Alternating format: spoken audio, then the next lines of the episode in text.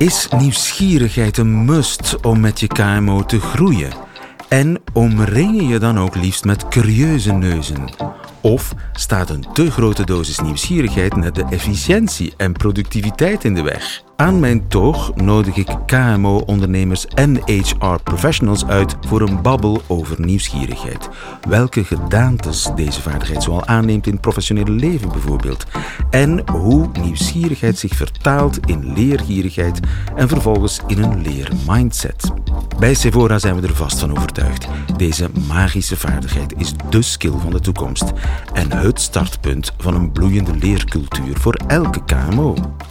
Wil je geen enkele aflevering van Café Curiosité missen? Abonneer je dan nu alvast op deze podcast van Sevora. Voor en door nieuwsgierige geesten.